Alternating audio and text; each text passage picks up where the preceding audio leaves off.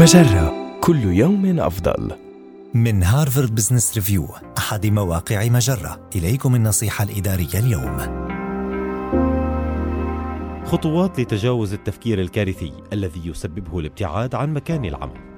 من المؤكد أن نقص الآراء التقييمية وانخفاض التفاعل بين الأشخاص يؤثر علينا عاطفيا ويؤثر على نتائج أعمالنا على حد سواء. لذلك يجب علينا تحمل مسؤولية تطوير احتياطات الثقة والحماس لدينا لنواصل المسير.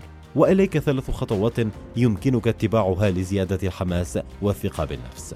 حدد ماهية تفكيرك الكارثي والأثر الذي يحدثه فيك.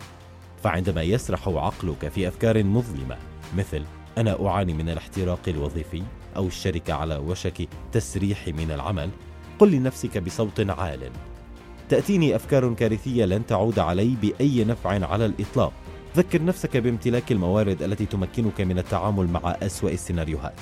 وخصص بضع دقائق لتحديد جميع الموارد الداخلية المتاحة لديك بما فيها القدرة على التحمل والعزم وروح الدعابة الخطوة الثالثة هي إدراك الحقيقة الكامنة وراء تفكيرك الكارثي الذي يحتاج إلى اهتمام حقيقي منك.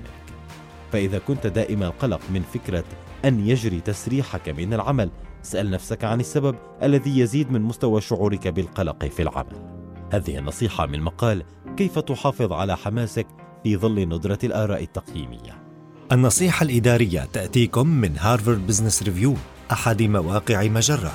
مصدرك الأول لأفضل محتوى عربي على الإنترنت مجرة كل يوم أفضل.